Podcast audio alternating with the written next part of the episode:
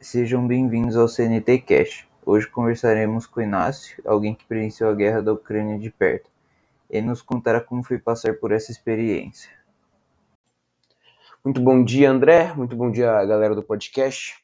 na verdade, eu fui uma das pessoas com sorte, né, que eu consegui sair da Ucrânia antes que a situação piorasse.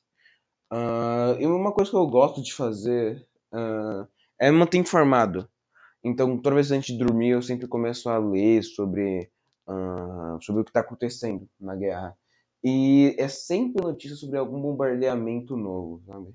Inclusive, uh, não muito tempo atrás, teve uma notícia de um, um bombardeamento de foguete, usando foguete, né? Em Kiev, que é a cidade onde meu pai mora atualmente.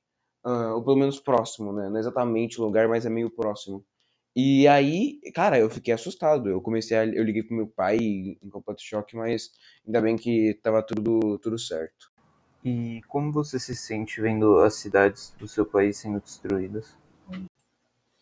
Eu, eu acho um pouco complicado. Eu acho que é um pouco difícil falar sobre isso por causa que cara, era minha história lá, sabe? Essas imagens, quando eu vejo imagens de destruição, né? principalmente na minha cidade, uh, cara, é, é algo que me deixa triste.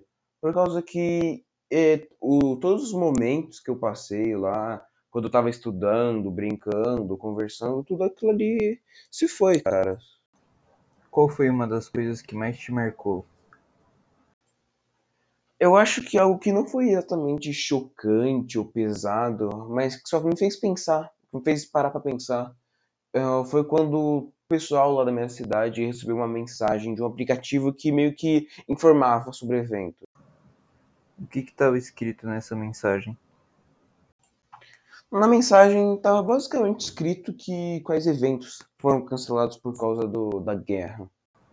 Mas se a função inicial do aplicativo foi descartada, para que eles servem agora?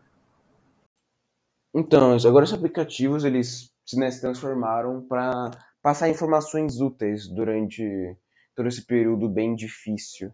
E me fez, para, e me fez pensar, né?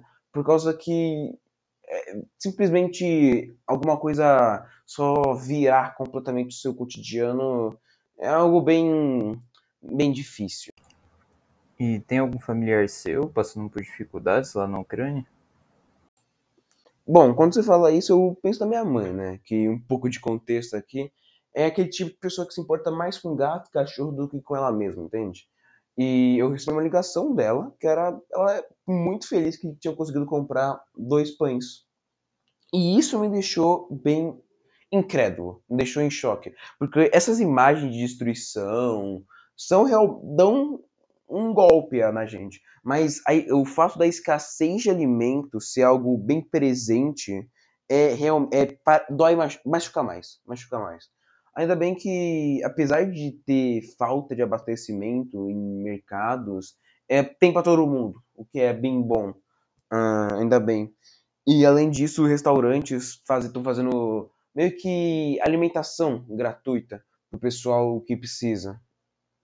Muito obrigado pela sua presença no CNT Cash, Inácio, e nos vemos no próximo episódio.